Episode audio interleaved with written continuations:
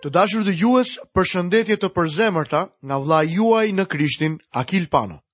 Ju uroj mirëseardhjen në emisionin e sotëm dhe njëkohësisht lutem që fryma e Perëndisë së gjallë të banojë në zemrat tuaja dhe të japi dritë fjalës së Zotit, të cilën sot së bashku kemi privilegjin që ta studiojmë. Jemi duke studiuar në Ungjillin sipas Lukës dhe sot do të fillojmë studimin tonë në kapitullin e 4 të këtij ungjilli. Lexojmë menjëherë nga vargu i parë dhe i dytë. Dhe Jezusi, plot me frymën e shenjtë, u kthye nga Jordani dhe fryma e çoi në shkretëtirë, ku për 40 ditë e tundoi djalli. Gjatë atyre ditëve, ai nuk hëngri asgjë, por kur ato kaluan, e mori uria. Përpara nesh kemi testimin e Zotit Jezu Krisht. Të gjithë ungjijtë, Mateu, Marku dhe Luka, e regjistrojnë këtë ngjarje. Gjoni nuk na e paraqet këtë ngjarje, sepse ai e prezanton Zotin Jezus si birin e Perëndisë, duke theksuar hyjninë e tij. Ungjijtë e tjerë sinoptikë e vënë theksin tek ana njerëzore e Zotit Jezus. Ai u tundua si njeri. Në Ungjillin e Lukës, Jezusi prezantohet si biri i njeriut. Te kapitulli i 3 dhe vargu i 38, Ungjilltari Luka na thotë, bir i Enosit, bir i Sethit, bir i Adamit, i Perëndisë. Kjo është edhe gjenealogjia e Marisë, e cila jep një pamje të linjës së Krishtit, duke filluar që nga Adami. Duke qenë një bir i Adamit, ai hedh vështrimin prapa në fillimin e racës njerëzore, pjesë e së cilës jemi dhe unë dhe ti. Ai u tundua si një qenie njerëzore në të gjitha pikat. Në të gjitha ato pika që tundohemi edhe ne, dhe megjithatë, Jezusi nuk mëkatoi. Në lidhje me tundimin e Zotit tonë, ekziston një errësirë e frikshme, një enigmë tmerruese. Më duhet të pohoj që nuk mund ta shpjegoj dot plotësisht, por do t'ju çoj ju deri te kufiri dhe shpresoj që së bashku të mësojmë diçka. Rreth tij, rreth Jezusit pra, kishte forca të së keqes të padukshme dhe të fshehura. Ai ishte i rrethuar nga fuqitë e errësirës dhe të shkatërrimit, djalli kërkonte ta shkatërronte atë. Jezusi u mbërthye nga problemet e mbarë njerëzimit, gjë që është tokësore, dhe fitoi mbi to për ty dhe për mua. Ekzistojnë disa vlerësime paraprake që duhet t'i kemi parasysh ndërsa shohim testimin që i bëhet Zotit tonë. Na thuhet që Jezusi ishte i mbushur me shpirtin e shenjtë si njeri, bir i Perëndisë. Jezusit i duhej të mbushej me shpirtin për t'u ndeshur me tundimin. E njëjta gjë është e vërtetë edhe për ne miqtë e mi. Ne nuk mund ta përballojmë tundimin që Satani sjell tek ne me fuqitë tona njerëzore. Tek letra drejtuar Romakëve në kapitullin e shtatë dhe vargu njëzet e një, apostulli Pal na thotë se unë pra po zbuloj këtë ligj, duke dashur të bëj të mirën, e keqja gjendet në mua. A nuk është kjo e vërtetë? Tek Romakët kapitulli 8 dhe vargu 3 dhe 4, shohim që apostulli Pal vazhdon sërish të na tregojë sepse atë që ishte e pamundur për ligjin, sepse ishte pa forcë për shkak të mishit, Perëndia duke dërguar birin e vet në shëmbëllim mishi mëkatar, edhe për mëkat, e dënoi mëkatin në mish, që të përmbushet drejtësia e ligjit në ne, që nuk ecim sipas mishit, por sipas frymës. Dhe më poshtë tek letra drejtuar Galatasve në kapitullin e 5 dhe vargun e 16, Pali nxjerr përfundimin. Dhe unë them, ecni sipas frymës dhe nuk do t'i përmbushni dëshirat e mishit. Ne kemi nevojë për shpirtin e shenjtë. Tek libri i ligjit të përtërirë në kapitullin e 8 dhe vargun e 2, Perëndia u tha izraelitëve: Kujto gjithë rrugën që Zoti, Perëndia yt, të ka bërë të përshkosh në këto 40 vjet në shkretëtirë, që ti të ulësh kokën dhe të vihesh në provë. për të ditur çfarë kishte në zemrën tënde dhe nëse do të respektoje apo jo urdhërimet e tij. Me fjalë të tjera, Perëndia po i testonte izraelitët. Perëndia kurrë nuk trajton dikë me të keqe. Na thuhet se përpara se Zoti Jezus të hynte në këtë provë, ai u drejtua nga fryma e shenjtë për në shkretëtirë. Me fjalë të tjera Zoti nuk e kërkoi tundimin, Madje edhe në kopshtin e Getsemanisë, Jezusi lutet, largoje këtë kupë prej meje. Tundimi i Zotit nuk filloi në fund të 40 ditëve për më tepër, Luka na thotë se pas tundimit ai ishte i uritur. Ai u tundua nga djalli gjatë gjithë këtyre 40 ditëve. Satani nuk ndaloi së tunduar Jezusin, edhe pas tundimit në shkretëtirë. Në kopshtin e Getsemanisë, Jezusi pati një sulm tjetër të satanit. Në vargun e 13 të kapitullit, Luka na tregon, dhe kur djalli i mbaroi të gjitha tundimet, u largua prej tij për njëfarë kohe. Ne duhet të kuptojmë edhe diçka tjetër, që Satani është një person. Unë e di se 30 deri 90% e pastorëve thonë se ai nuk është një person. Megjithatë, shkrimi na e bën të qartë se djalli është një person. A erdhi ai në formë trupore kur tundoi Zotin Jezus? A erdhi ai si një shpirt apo si një engjëll drite? Bibla na tregon se Zoti u ndesh me të ballë për ballë. Ne duhet të kuptojmë se satani është impret. Ai shfaqet herë si një luan vrumbullues duke kërkuar cilin mund të përpijë dhe herë si një engjëll drite duke u përpjekur të mashtrojë edhe të zgjedhurit nëse do të mundet. Cili është kuptimi i tundimit të Zotit? Fjala tundim këtu ka një kuptim të dyfishtë. Të tundosh do të thotë të nxitësh dhe të ndjellësh te e keqja. dhe do të thotë gjithashtu të joshësh. Nëse një person joshet për të bërë keq, do të thotë se ekziston diçka brenda individit e cila e bën atë t'i nënshtrohet. Nuk mund të jetë kurrsesi tundim, për aq kohë sa diçka brenda personit nuk i nënshtrohet atij. Gjithsesi, kjo nuk ishte e vërtetë për Zotin Jezu Krisht.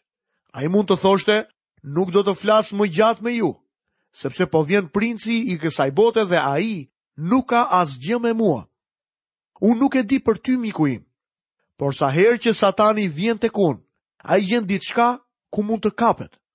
Zoti Jezus ishte i shenjtë, i pafajshëm, i pandotur dhe i ndarë nga mëkatarët. Tundimi i Krishtit nuk ishte një tundim për të bërë keq. Më tej fjala tundim përdoret edhe në një kuptim tjetër. Tek Zanafilla kapitulli 22 dhe vargu i parë, na tregon se Perëndia e tundoi Abrahamin. Në kuptimin, jo se Zoti tundon, por Perëndia lejoi që Abrahami të kalojë përmes këtij testi, kësaj prove. Po kështu ai e provoi, apo e testoi Izraelin për 40 vjet në shkretëtirë. Kjo na ngre një pyetje. A u rëzua Zoti Jezus? Jo, Krishti nuk u rëzua. Po atëherë, a ishte një tundim i arsyeshëm? Më duhet që të theksoj edhe një herë. Ishte një test. Të gjithë artikujt e rinj testohen, për shembull, Gomat dhe automjetet testohen. Në televizor, reklamat e artikujve të prodhuar ju tregojnë modelin e ri të makinave dhe i ngasin ato drejt purgatorit për t'ju treguar sasinë e ndërshkimit që ato mund të marrin. Çdo gjë testohet. Dhe nëse ndonjë gjë do të thyhej, do të ishte jashtëzakonisht shqetësuese për prodhuesin. Zoti Jezu Krisht nuk u rrëzua. A ishte ky një test i arsyeshëm? Mendoj që po. Më lejoni ta ilustroj këtë fakt me një histori të thjeshtë. Në zonën ku unë jetoj, ka një lumë. Gjatë kohës së verës, në këtë lumë nuk ka ujë. Nuk ka ujë as për të ndryshkur një gozhdë të vetme. Ishte thatësirë e madhe një vit Dhe ndërkohë që gjatë verës nuk kishte ujë, në dimër, uji mund të mbante edhe një anije lufte. Një vit ndodhi një përmbytje që e dëmtoi rëndë hekurudhën e cila gjendej pranë lumit. Punëtorët e hekurudhës erdhën menjëherë për të ndërtuar një urë të re. Kur mbaroi ndërtimi i saj, ata vendosën mbi të dy lokomotiva dhe ato filluan të fërshëllenin. Në qytetin tonë nuk kishim dëgjuar asnjëherë dy lokomotiva të fërshëllenin në të njëjtën kohë. Kështu që të gjithë u nisën për tek ura. Një djalë i guximshëm në turmë pyeti. Çfarë po bëni? Makinisti iu përgjigj, Po testojmë urën. A mendoni se mund të thyhet? Vazhdoi djali i ri. Sigurisht që jo, tha makinisti, pothuajse me nënqeshje. Por, nëse e di që nuk do të thyhet, atëherë pse i vendose lokomotivat mbi urë? U habi djaloshi. Thjesht për të provuar se ura nuk do të thyhet, tha makinisti. Kështu ishte edhe tundimi i Zotit Jezus. Na tregoi se kemi një shpëtimtar i cili është i shenjtë, i pafajshëm, i pandotur, i ndarë nga mëkatarët dhe i aftë për të shpëtuar të gjithë ata që vijnë tek Zoti nëpërmjet tij. Jezusi u tundua në një mënyrë që unë dhe ti nuk mund të tundohemi kurrë. Kur testohemi ka gjithmonë një pikë thyerje. Por presioni nuk u largua kurrë prej Zotit tonë. Ai ishte një tundim i trefishtë, fizik psikologjik dhe shpirtëror. Jezusi u testua në fushën fizike. Luka kapitulli i katërt dhe vargu i tretë, le të shohim. Nëse je biri i Perëndisë, i thuaj këtij guri që të bëhet bukë. Djalli nuk i kërkoi Zotit që të kryente një krim. Buka është organika e jetës dhe është e nevojshme. Në një rast Zoti ushqeu një turmë prej 5000 vetash dhe një herë tjetër një turmë prej 4000 vetash. Në fillim të krijimit të njeriut, ne shohim që Eva pa pemën në mes të kopshtit të Edenit dhe pa që ajo ishte e mirë për ushqim dhe hëngri. Gjoni e quan këtë test, epsh ose dëshirë të mishit. Një njeri duhet të hajë që të jetojë, apo jo? Kjo është edhe filozofia e shumicës së njerëzve sot. Thirrja e turmës dhe kërkesa e saj është: çfarë do të hamë dhe pimë dhe me çfarë do të vishemi? Kjo është jeta për shumicën e njerëzve. Njerëzit bëhen të pandershëm, vjedhin, luajnë bixhoz, shesin pije alkoolike dhe i drejtohen gjithçkaje për të siguruar diçka për trupat e tyre. Gratë mund të shesin virtytin e tyre për një gëzof dhelpre, ose një unazë diamanti. Satani kur ai i tha Zotit, lëkurë për lëkurë, gjithçka që zotëron njeriu është gati ta japë për jetën e tij. Këto vargje gjejmë te libri i Jobit kapitullu i 2 dhe vargu i 4.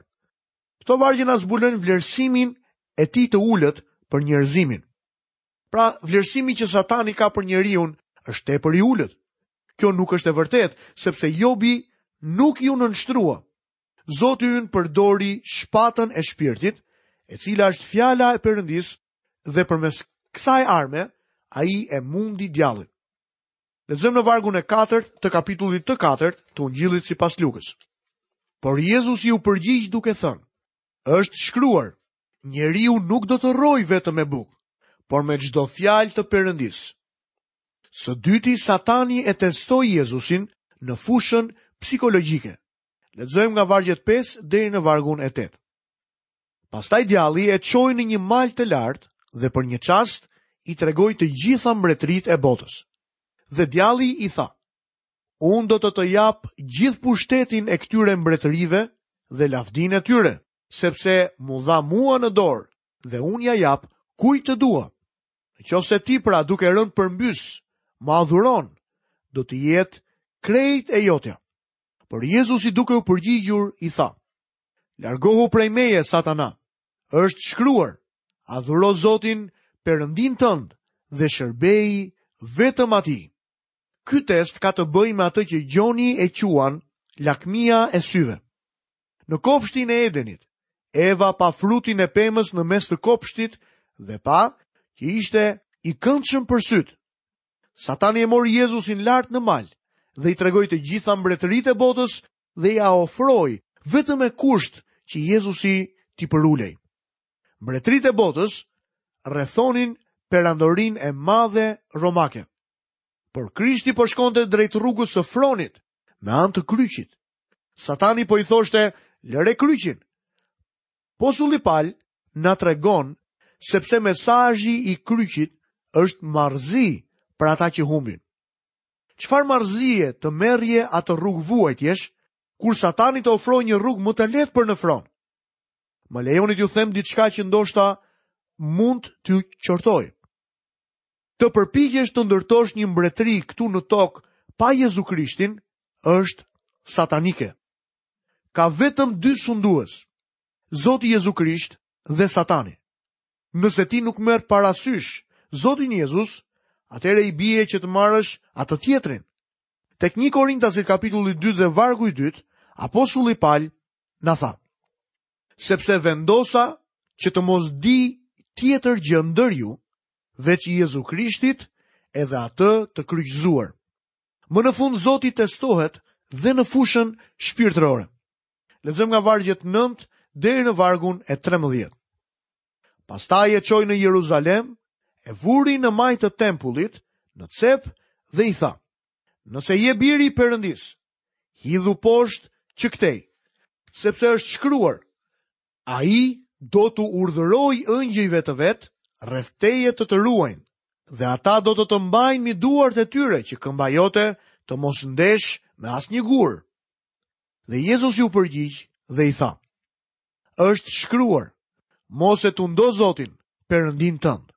Dhe kur djalli i mbaroi të gjitha tundimet, u largua prej tij për njëfarë kohe. Nëse kthehemi tek historia e lashtë e rënies së njeriut, gjejmë që Eva e dëshiroi frutin e pemës në mes të kopshtit, sepse ai mund ta bënte një person të ditur. Gjoni e quan këtë testim krenaria e jetës. Kjo ka të bëjë me fushën e shpirtit dhe të besimit. Satani donte që Zoti të demonstronte se ishte biri i Perëndisë. Tregoju atyre, provoje, dhe atëherë ata do të të pranojnë ty. Ky nuk ishte besim, por mendjemadhësi.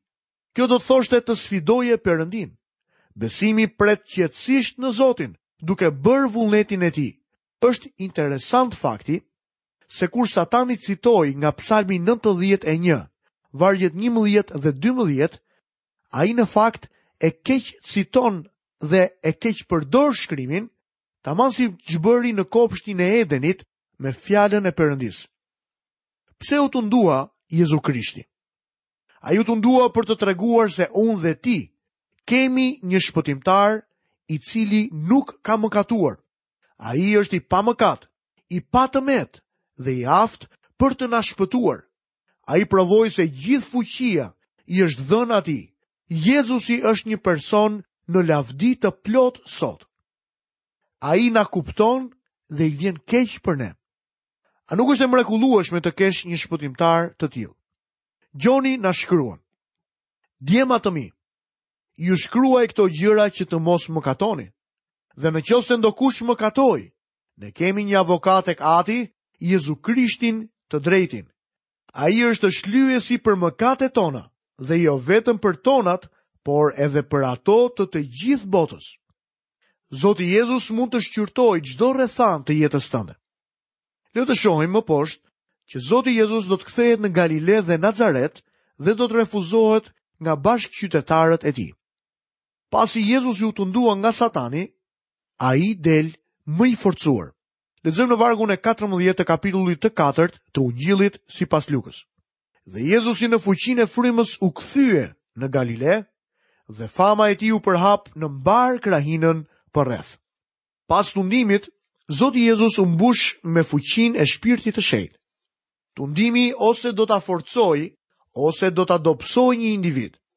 Është tamam si një ushtri e cila ose do të bëjë të fitosh, ose do të të thyejë. Nuk e di me saktësi nëse kjo është e vërtetë për një ushtri, por gjithsesi e di mirë se vuajtja dhe testimi ose do të të ëmbëlsojnë, ose do të të thartojnë. ose do të të zbusin, ose do të ngurtësojnë. Një fjalë e urtë e vjetër, thotë se i njëjti diell, shkrin dyllin dhe ngurtëson argjilën. Në këtë rast, është karakteri ose gjendja e elementit që e shkrin dyllin dhe ngurtëson argjilën. Perëndia nuk don të të të ngurtësojë ty. Ai nuk e ngurtësoi zemrën e faraonit. Faraoni kishte një zemër prej guri, Perëndia vetëm sa e zbuloi këtë fakt. Zoti ynë identifikoi veten e tij me njeriun. Shkrimi na e konfirmon këtë fakt. Hebrenjve kapitulli 2 dhe vargu i 17 na thonë: Prandaj ai duhej t'u ngjante në çdo gjë vëllezërve, që të mund të ishte i mëshirshëm dhe kryeprift besnik në ato që i përkasin Perëndisë për t'u bërë pajtim për mëkatet e popullit. Zoti Jezu Krisht u bë njeri dhe kështu pas provës së rëndë, kishte nevojë për fuqizimin nga fryma e shenjtë. Dhe nëse Zoti ynë kishte nevojë për fuqi nga fryma e shenjtë pas testimit të tij, sa më tepër ne kemi nevojë për të. Lexojmë vargun e 15. Dhe ai mësonte në sinagogat e tyre, i nderuar nga të gjithë. Pas tundimit, Zoti u kthye në Galile dhe mësoi në sinagogë. Ai u nderua nga njerëzit.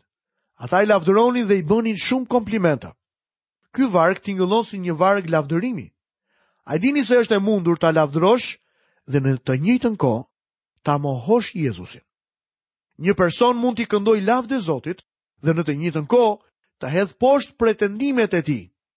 e njëjta turmë që këndoi Hosana dhe donte ta kurorëzonte Jezusin si mbret, ditën tjetër u bashkua me popullin për ta kryqëzuar. Tani po më vjen ndër mend një pamje e kryqëzimit me një kryq bosh në pamjen e parë, ndërsa në sfond një gomar që po ushqehet me degët e thara të palmave. Kështu ndodhi pra, një ditë Zoti u lavdërua, ndërsa të nesërmen e njëjta turmë njerëzish e kryqëzoi. Në programin e javës së ardhshme, ne do të studiojmë një nga ngjarjet më të bukura të regjistruara në Fjalën e Zotit. Është një histori e shkëlqyer që na shfaqet papritur në dritë. Ajo është erëmirë dhe me kuptim. Ungjilltari Luka na e prezanton këtë histori në një mënyrë shumë të bukur. Megjithatë le të lexojmë më poshtë në kapitullin e 4 të Lukës, nga vargjet 16 deri në vargun 21. Pastaj erdhi në Nazaret ku ishte rritur, dhe si e kishte zakon ditën e shtunë, hyri në sinagogë dhe u ngrit për të lexuar. I dhanë në dorë librin e profetit Isaia, e hapi dhe gjeti vendin ku ishte shkruar. Fryma e Zotit është mbi mua, sepse ai më vajosi për të ungjillizuar të varfrit. Ai më dërgoi për të shëruar ata që e kanë zemrën të thyer, për të shpallur çlirimin e të burgosurve dhe kthimin e të parit të verbërve, për të çliruar përsëri të shtypurit dhe për të predikuar vitin e pranueshëm të Zotit. Pastaj si e mbylli librin dhe ia dha shërbyesit, u ul dhe sytë e të gjithëve në sinagogë u drejtuan mbi të. Atëherë ai nisi të thotë: Sot ky shkrim u përmbush në veshët tuaja. Kjo ngjarje është regjistruar vetëm nga Luka dhe ne nuk mund ta anashkalojmë atë. Na thuhet se pas tundimit, Zoti Jezus u kthye në qytetin e tij. Në përgjithësi, vendlindja është krenare për një djalë të saj, që tashmë na është bërë i famshëm. Ashtu siç e kishte zakon të shtunën, Jezusi shkoi në sinagogën e Nazaretit. Vini re se ai kurrë nuk e pati në mendje nocionin falso se Zoti mund të adhurohet njëlloj, si në natyrë, ashtu edhe në vendin e vajosur. Edhe pse më pëlqen që të luaj sport, shpesh lodhem duke dëgjuar disa njerëz që thonë me fanatizëm se mund ta adhurojnë Zotin më me lehtësi në fushën e futbollit të dielën sesa në kishë. Çfarë thonë është e vërtetë, por unë gjithmonë i pyes. kur merr çantën me rrobat e futbollit të dielën në mëngjes, po del jashtë për të adhuruar Zotin apo për të luajtur futboll. Fakti është se ata nuk kanë për qëllim të adhurojnë Zotin në fushën e futbollit. Ti shkon të dielën në kishë për të adhuruar Zotin dhe në fushën e futbollit ti shkon për të luajtur. Zoti ynë e kishte zakon të shkonte ditën e sabatit për të adhuruar. Detajet për këtë histori do t'i mësoni në emisionin e ardhshëm. Deri atëherë, të dashur miq, nga unë vëllai juaj në Krishtin Akil Pano, paçi të gjitha bekimet e Perëndisë dhe paqen e tij me bollëk në jetën tuaj. Bashkë, mirudëgjofshim në emisionin e ardhshëm.